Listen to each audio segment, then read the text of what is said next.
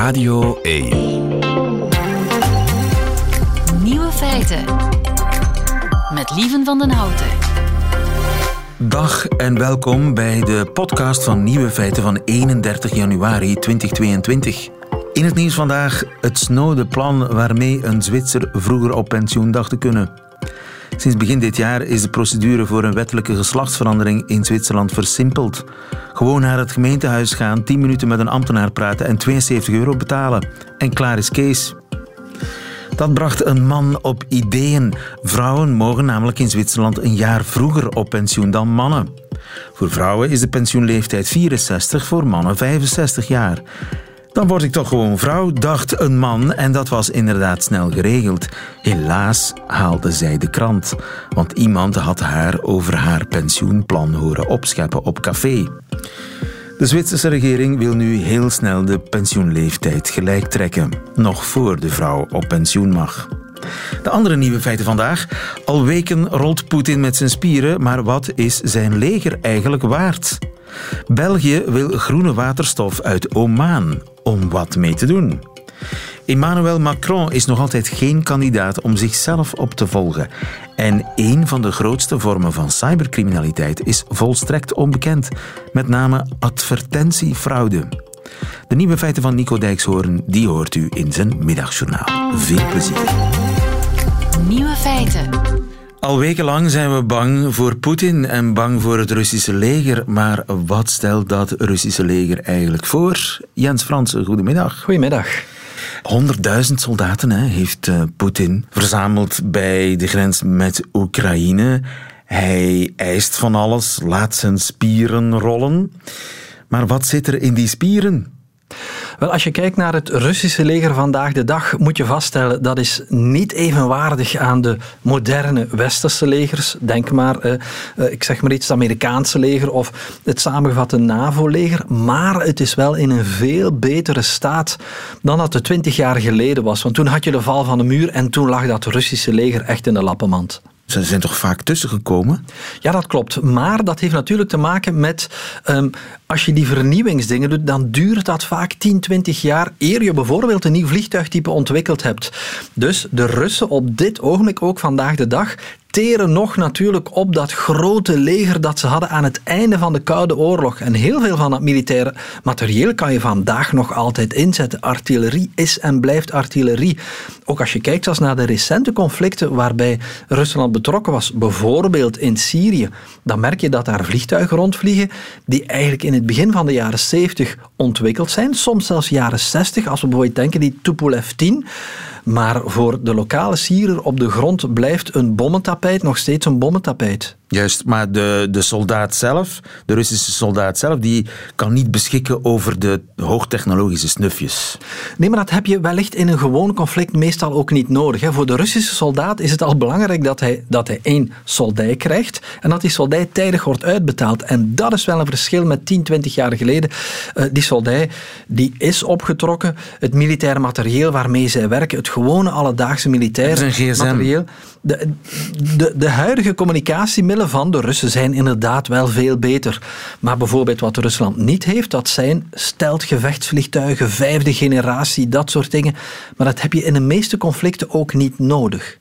Maar zij hebben wel een inhaalbeweging gemaakt? Ja, absoluut. Ze hebben een inhaalbeweging gemaakt. En ze hebben wel een aantal militaire dingen die echt wel state of the art zijn. Hè.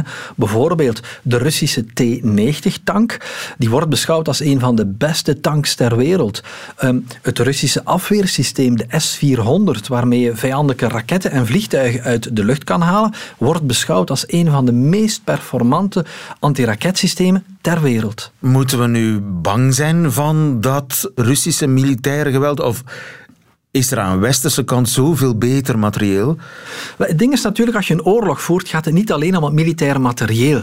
Eigenlijk is het maar één puzzelstukje van een veel grotere puzzel. Het is niet alleen welke materieel je hebt, maar ook echt belangrijk hoeveel je ervan hebt. Merk je bijvoorbeeld bij, bij de westerse landen, wij hebben wel hoogtechnologisch materieel, maar we hebben er vaak heel weinig van. En dan drie, hoe goed zijn jouw mensen getraind met dat materieel? En dan eentje, het is een beetje een dooddoener, maar oorlogen win je niet met tanks en met gevechtsvliegtuigen, maar eigenlijk met logistiek. Daar gaat het over. Want je kan een batterij van tanks hebben, maar die hebben een bereik van 500 kilometer. Maar dan natuurlijk moet je die trucks hebben die mee kunnen achterkomen, want je moet die tanks natuurlijk wel kunnen bijtanken. Zonder logistiek verlies je een grondoorlog. En dus wat dat betreft moeten we wel bang zijn van het Russische leger. Het Russische leger is vandaag in staat, mocht het willen, al dan niet met grote verliezen, om natuurlijk een groot deel en dan kan je discussiëren, zal het dagen, weken of maanden duren om Oekraïne te gaan binnenvallen. De grote vraag is, wil Rusland dat doen?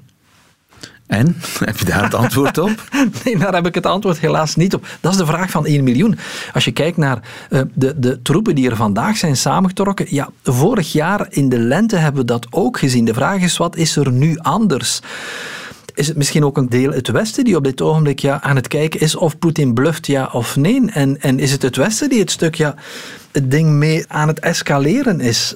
Rusland zegt dat het wil praten, de NAVO zegt dat het dat ook wil doen, maar eigenlijk blijven ze alle twee voorlopig nog in een loopgracht. In een loopgracht en met hun spieren rollen, maar ik begrijp dat die spieren van Rusland weliswaar misschien een beetje verouderd zijn, maar dat je daar weinig last van kunt hebben op het uh, slagveld. Artillerie blijft artillerie en zeker, uh, zeker voor een kleine land als, uh, als Oekraïne wordt dat natuurlijk heel erg lastig. Nu, Poetin wist ook, als hij dit zou willen doen, moet hij het nu doen. Want hij zit met een krimpende economie, hij zit met een krimpende bevolking. Nu is het moment. Merkel is net weg, eh, de Duitse bondskanselier, de Franse president staat net voor nieuwe verkiezingen.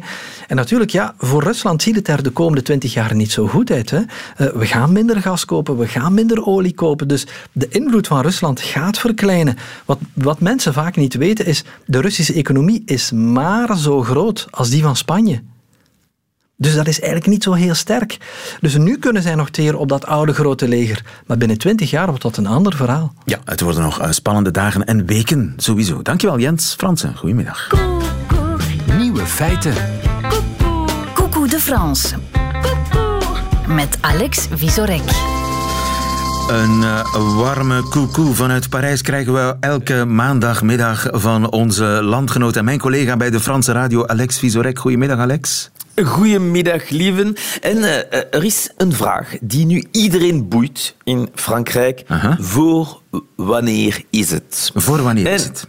Ik spreek niet over de druk van familieleden over een mogelijke gezinsuitbreiding, maar wanneer zal Emmanuel Macron zich kandidaat stellen voor de presidentiële verkiezing? Want ja, wij zijn twee dikke maanden voor die verkiezingen. De campagne is al volop bezig. En er zijn momenteel 39 kandidaten. waarvan- 39. Ja, in enkele weken zullen ze minder zijn, maar waarvan niemand met de naam Emmanuel Macron. Zijn partij, La République En Marche, heeft officieel nog geen kandidaat. Vijf jaar geleden was Macron al vanaf november in campagne en je kon hen niet missen. Ce que je veux, c'est que vous, partout, vous alliez le faire gagner, parce que c'est notre projet. Vive la République, vive la France. Dat is nog wat anders dan Storm Corrie, dat is windkracht Ja. 12. Inderdaad, zo'n projet. Eh, een beetje geschreeuwd. En ik denk dat zijn stembanden pas nu hersteld zijn. Maar vijf jaar later is hij meer discreet. Eh, in december weigerde hij commentaar over de campagne te geven met dit antwoord. Certains sont en campagne, mais votre serviteur non. Ah, voilà. En voilà. Sommigen zijn eh, op campagne, maar uw dienaar niet. Voor het moment. Pour l'instant. Daarna, pour l'instant. fijn, Met een pak minder decibels eh, dan in het vorige fragmentje. En deze week tijdens een bezoek op, eh, aan een boerderij in het midden van Frankrijk, tussen koeien en kippen, vroeg een student uit het middelbaar hem of hij kandidaat zou zijn en Non, euh, moi, je, en temps voulu, je- j'annoncerai ma décision. Oké, ten gepaste tijde zal hij Ja. laten weten wat hij beslist heeft. Maar ceci n'est pas un suspense, zou Magritte kunnen zeggen. Als je in de recente Franse geschiedenis kijkt, hebben we maar één keer die woorden gehoord. J'ai décidé de ne pas être candidat à l'élection présidentielle, au renouvellement donc de mon mandat. Oké, enigszins beteuterd kondigde François Hollande aan dat hij geen kandidaat was voor een tweede termijn. Ja, hij had al een dieptepunt van populariteit bereikt en wilde zich meer pijn besparen. Maar alle andere presidenten hebben geprobeerd om een tweede termijn te krijgen. Maar ze hebben altijd goed nagedacht over de timing van hun tweede kandidatuur. Want zich kandidaat stellen betekent ook een beetje met het presidentschap stoppen. Je verliest een soort aura. Vandaag is president Macron toch aanwezig in de peilingen met 24 procent eh, is hij ver voor de anderen. Marine Le Pen en Valérie Pécresse die slechts 17 procent hebben. Maar als hij zich morgen kandidaat stelt, zal hij daarin dalen. Gewoon omdat hij kandidaat zal zijn. Okay. Ja, dus uh, normale statistieken. Praktisch gezien kan je ook niet zomaar president en kandidaat tegelijk zijn. Daarom probeerde toenmalige president Valéry Giscard d'Estaing zijn tweede kandidatuur toen zo te verbloemen. Je ne serai pas un président candidat, mais un citoyen candidat. Oké, okay, ik zal geen voilà. presidentkandidaat zijn, maar een burgerkandidaat. Ja, met andere woorden, ik zal de twee functies wel kunnen scheiden. Anders kan je, zoals Sarkozy in 2012, niet vertellen dat je een kandidaat bent, maar toch heel opvallend als president op campagne zijn. Uiteindelijk geen goede strategie, want de Fransen verweten hem dat hij met hun geld campagne voerde. Twee maanden voor de verkiezingen besliste hij dus tenslotte zijn kandidatuur te stellen met een mooie rechtvaardiging. Est-ce qu'on peut imaginer le capitaine d'un navire dont le bateau serait en pleine tempête dire ben non, je suis fatigué, je renonce, j'arrête. Oké, okay, kun je dat voorstellen dat een kapitein in volle storm zegt ja, ben moe, ik geef het op, ik stop ermee? Uh, ja, hij zei dat wel één maand na de ramp met de Costa Concordia. Zulke oh ja, dingen... Kapitein ja. inderdaad... Oh ja, ja, ik snap het. Ja, ja, ja. gebeuren dus wel. Maar uh, Sarkozy toont ons uh, een van de geheimen van een goede aankondiging. Je moet laten voelen dat een tweede termijn logisch en onbetwistbaar is le sens du devoir. Ah. Dat in Frankrijk. Daarom moet je ook niet te vroeg eh, in campagne gaan. Dat zou meer naar persoonlijke ambitie dan de plicht smaken. En de recordman in niet te vroeg zich kandidaat stellen is François Mitterrand. In 88 stelde hij zich kandidaat 33 dagen voor de verkiezing, één maand dus. En hij deed dat tijdens een middagjournaal. Êtes-vous à nouveau candidat à la présidence de la République Oui. Okay. Hij blijft de kampioen van het korte antwoord. Oei. Uh, ja, voilà. sober, zoals François Mitterrand het kon. De manier waarop uh, je kandidaat wordt, is inderdaad ook heel belangrijk. Zo besliste Jacques Chirac om iedereen te verrassen. Hij leek zijn aankondiging te improviseren tijdens een bezoek in Avignon. Je vous l'ai dit, vous m'avez posé une question directe et franche. Eh bien, j'y répondrai dans le même esprit. Oui, je suis candidat. Groot ja. voor Jacques Chirac. Voilà, misschien had Macron iets uh, gelijkaardigs kunnen doen. Had hij zijn kandidatuur bekendgemaakt deze week in die boerderij. Maar hij zal zijn beslissing laten weten. Le moment voulu. Uh, wat zal hij doen? Spannend, spannend. Nee, ja, dat is echt ja, te spannend misschien. Ja, ik val bijna flauw. Uh, ja, ja blijf, blijf, met ons. Want terwijl iedereen in zijn entourage herhaalt dat hij nog geen kandidaat is, heeft zijn partij deze week een campagne-website gelanceerd avecvous2022.fr. Sinds deze week is er meer en meer actie in het hoofdkwartier van La République En Marche met het aanwerven van campagnespecialisten. Maar zal Macron kandidaat zijn of niet? Of dus eerder, voor wanneer is het? Tu veux ou tu veux pas. Wie zong dat voilà. ook alweer? tu veux ou tu veux pas. Euh, tu veux ou tu veux pas. Misschien volgende week meer informatie over de kandidatuur ja. van Emmanuel Macron. Tot volgende week, Alex Tot Vizorek. Volgende week.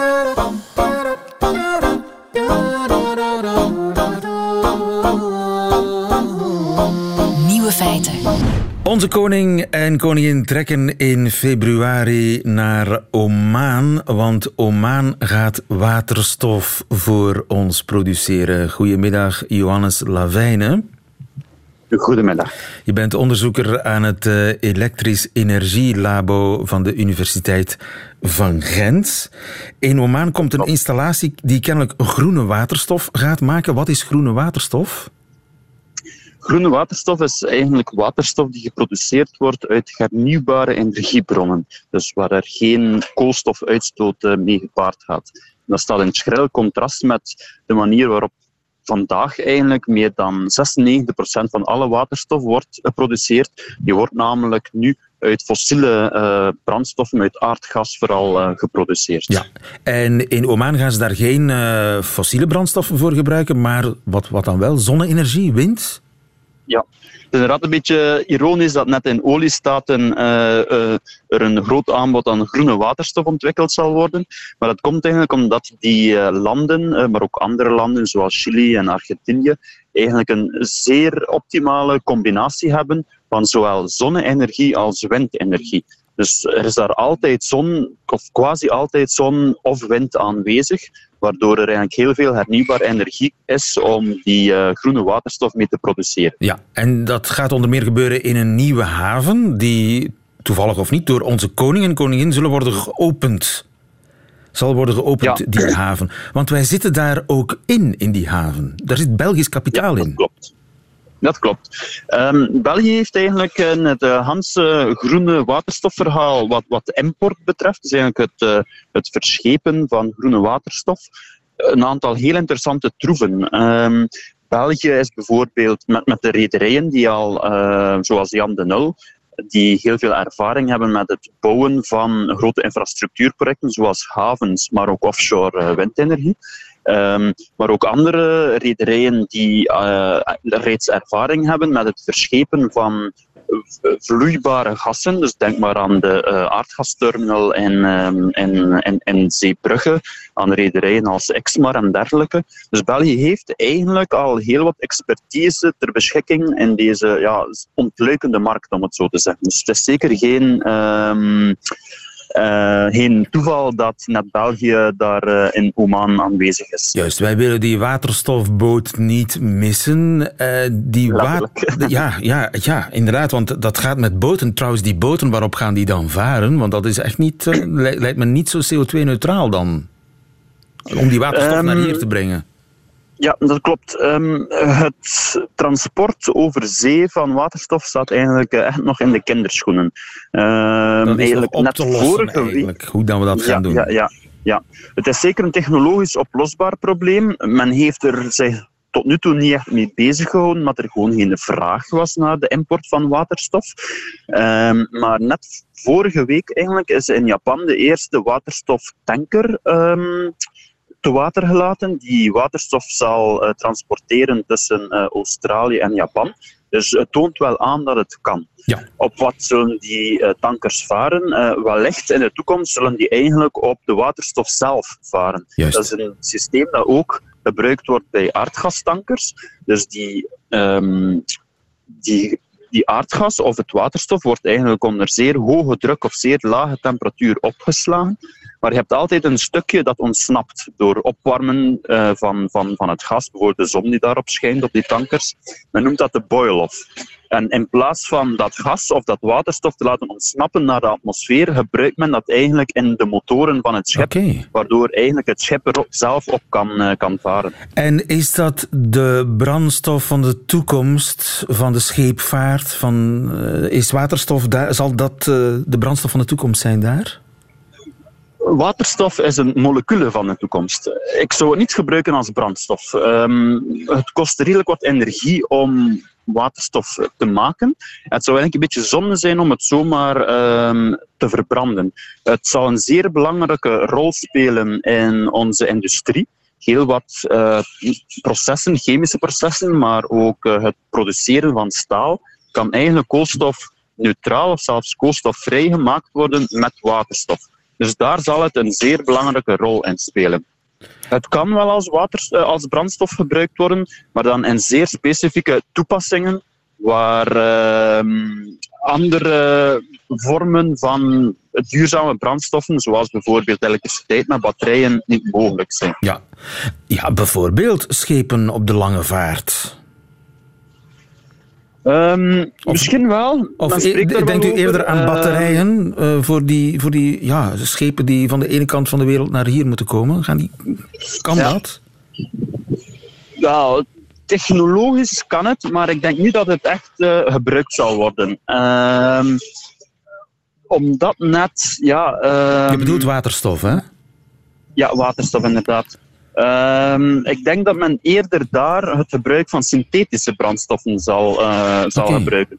De synthetische brandstoffen is eigenlijk waterstof combineren met een andere moleculen, bijvoorbeeld stikstof of koolstof, die men uit de lucht haalt.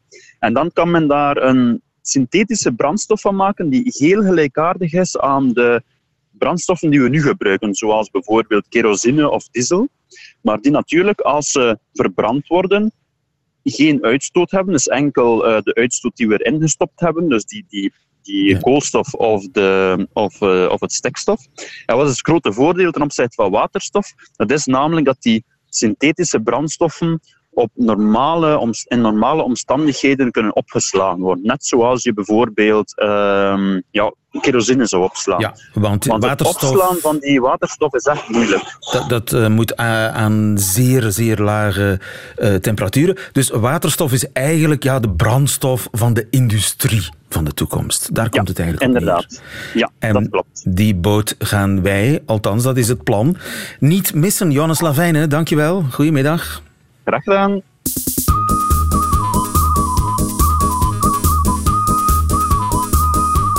Nieuwe feiten.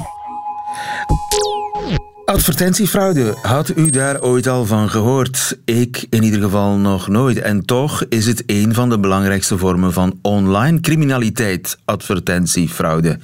Dat blijkt uit een reportage van Rudy Bauma. Goedemiddag, Rudy. Goedemiddag. Journalist bij Nieuwsuur uh, in Nederland, op de Nederlandse televisie. Je hebt een reportage gemaakt over advertentiefraude. Uh, eerst en vooral, het gaat over heel veel geld hè, wereldwijd. Uh, hebben we daar enig idee van hoeveel geld hierin omgaat? Nou. Het moeilijke is dat niemand het echt weet. Want advertentiefraude uh, vindt plaats, daar is iedereen het over eens. Maar de omvang is heel moeilijk in te schatten. Um, de adverteerder zelf, de marketingbranche, zegt in Nederland is het maar heel weinig, is het maar 1 à 2 procent. Anderen zeggen juist het is misschien wel tot 70 procent. Nou, andere schattingen komen daar weer tussenin uit. Uh, maar er zijn wel wat onderzoeken gedaan waarin, nou ja, laten we zeggen, op 50 miljard sorry, euro per jaar wordt gerekend. Dat eigenlijk verdampt doordat niet mensen, maar klikken op advertenties. En want daar gaat het om. Hoe gaan die fraudeurs te werk? Ja, kijk, als je een advertentie ziet op een website, dan staat die daar niet al. Hè? Die is op jou gericht. Die wordt in een, in een paar milliseconden, als jij op een gegeven moment op een website gaat, dan wordt er gezien, oké, jij surft in die en die stad, in dat en dat land. Je hebt misschien bepaalde kenmerken die bekend zijn, uh, bepaalde data. Nou, daar richten ze die advertenties op. Dat zijn flitsveilingen. En die flitsveilingen die worden eigenlijk misbruikt door cybercriminelen. Um, die um, ja, advertenties uh, die eigenlijk niet gezien worden. Dat is een beetje abstract, maar dat is hoe het gaat. Dat kan op een lege website zijn of op een gehackte website of op een appje die jij in je telefoon hebt en die je nooit gebruikt, uh, uh, maar die wel op de achtergrond advertenties draait, die dus niet gezien worden. En uh, daar laat hij zijn eigen bots, laat hij daarop klikken, softwaretjes eigenlijk. En hij krijgt daar geld voor, of zij krijgt daar geld voor van de adverteerders. Want ja, je kan dan zeggen tegen de adverteerder, kijk, ik heb een website, jouw advertentie heeft heeft daarop uh, miljoenen kliks gegenereerd, dan krijg je daar geld voor. En ja, er zijn voorbeelden van cybercriminelen die daar miljoenen mee verdienen. Dus adverteerders laten betalen voor online advertenties die niemand ooit ziet. Dat is eigenlijk die Correct. advertentiefraude. Ja, dat is het. Dat is de kern. En je moet adverteerders naar een fake website weten te lokken. Um, nou, je hoeft niet eens, uh, die, die, adverteerders die hoeven niet eens wat te doen. Het, is een voorbeeld van een, bijvoorbeeld een, een, een Russische cybercrimineel die vanuit Rusland en Bulgarije uh, in Nederland en Dallas servers huurde, hè, computerservers huurde. Die hoefde dus dat niet eens in eigen land of zo te doen. Dat gaat allemaal via de cloud. En op die servers plaatsen die ja, lege websites en dat heet spoofing. Die websites die doen zich eigenlijk voor als uitgevers, als, als grote Amerikaanse websites zoals de New York Times, New York Post, et cetera. En hij liet daar onzichtbare advertenties op draaien. Daar werd op geklikt. En hij kwam vervolgens ja, met een fake rapportje. Verdiende die 7 miljoen dollar aan advertentiegeld. En ja, dat is eigenlijk iets wat. ehm, eh, dit is een van de weinigen die ook daadwerkelijk gearresteerd is. En hij is uiteindelijk veroordeeld in november in New York tot een celstraf. Na uitlevering was dat.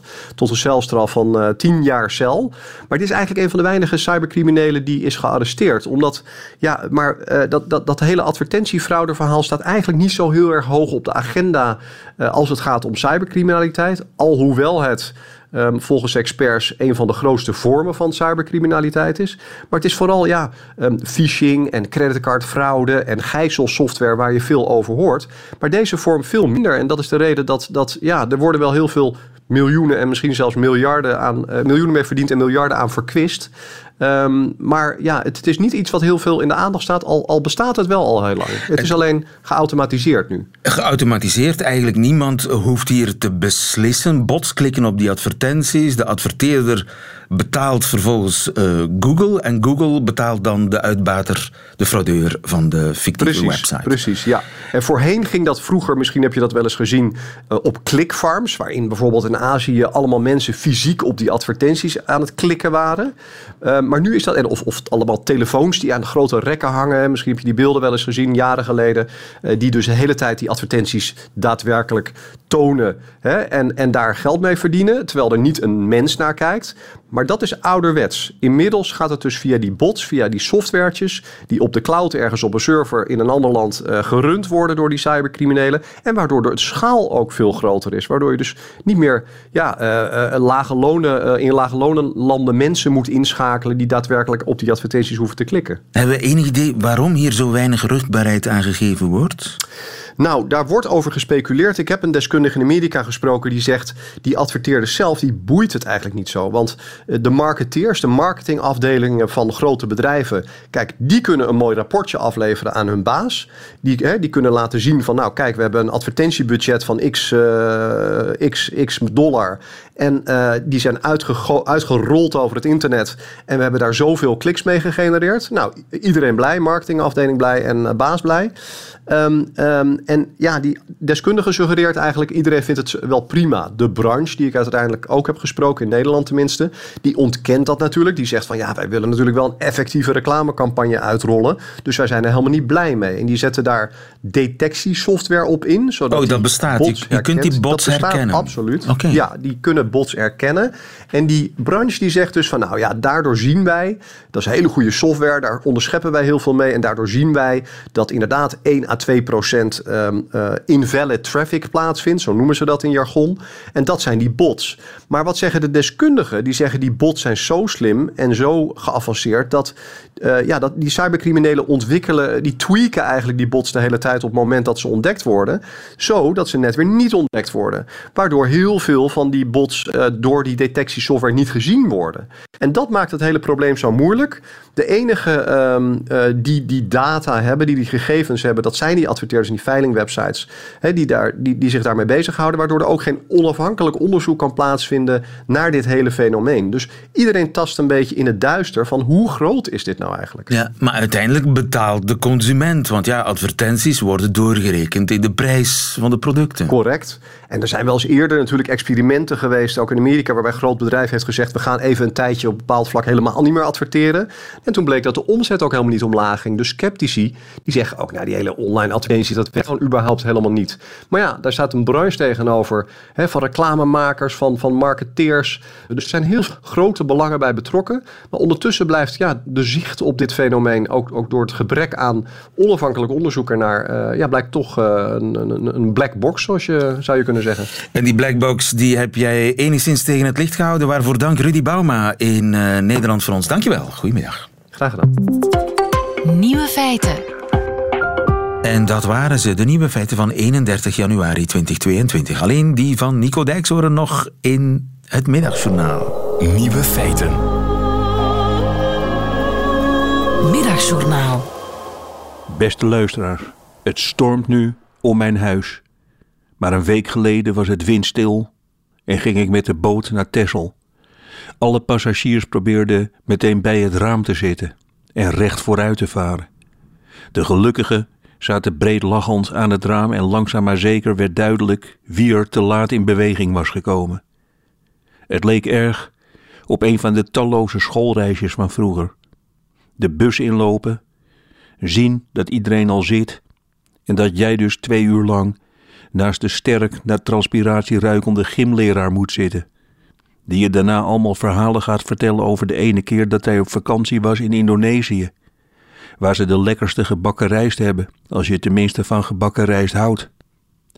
Ik durfde nooit tegen zo iemand te zeggen wat ze in Indonesië ook doen, dat is hun oksels invrijven met bladeren van de sukumahir-plant.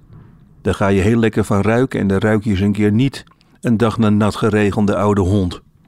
Nu, op de boot, begon het naar kroketten te ruiken. Ik nam de trap naar boven. Ik wilde frisse lucht. Ik wilde fijn kijken naar dichterbij komend land, waar ik een week lang ging werken aan een nieuw boek, omdat schrijvers dat nu eenmaal doen. Let u daar maar eens een keer op, luisteraars.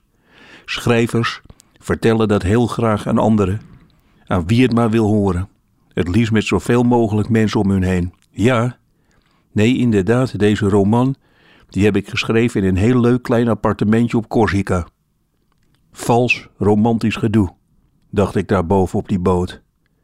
En meteen werd ik op mijn wenken bediend. Ik zag een jongen en een meisje van ongeveer 19 jaar oud samen naar de voorkant van de boot lopen en ik wist meteen wat daar ging gebeuren. Ze gingen doen wat alle verliefde mensen op een boot doen. De jongen, hij zou achter het meisje gaan staan, haar vasthouden. Ze zou haar armen wijd doen en daarna zou ze roepen: I'm flying, I'm flying. Over de hele wereld, luisteraars spelen mensen deze scène uit de film Titanic na. En altijd ontroert het mij. Want ze weten natuurlijk net zo goed als ik dat ze even later aankomen, het land betreden, ruzie krijgen, toch maar trouwen, twee kinderen krijgen, daarna gaan scheiden en verbitterd thuis achter een raam naar buiten gaan zitten kijken.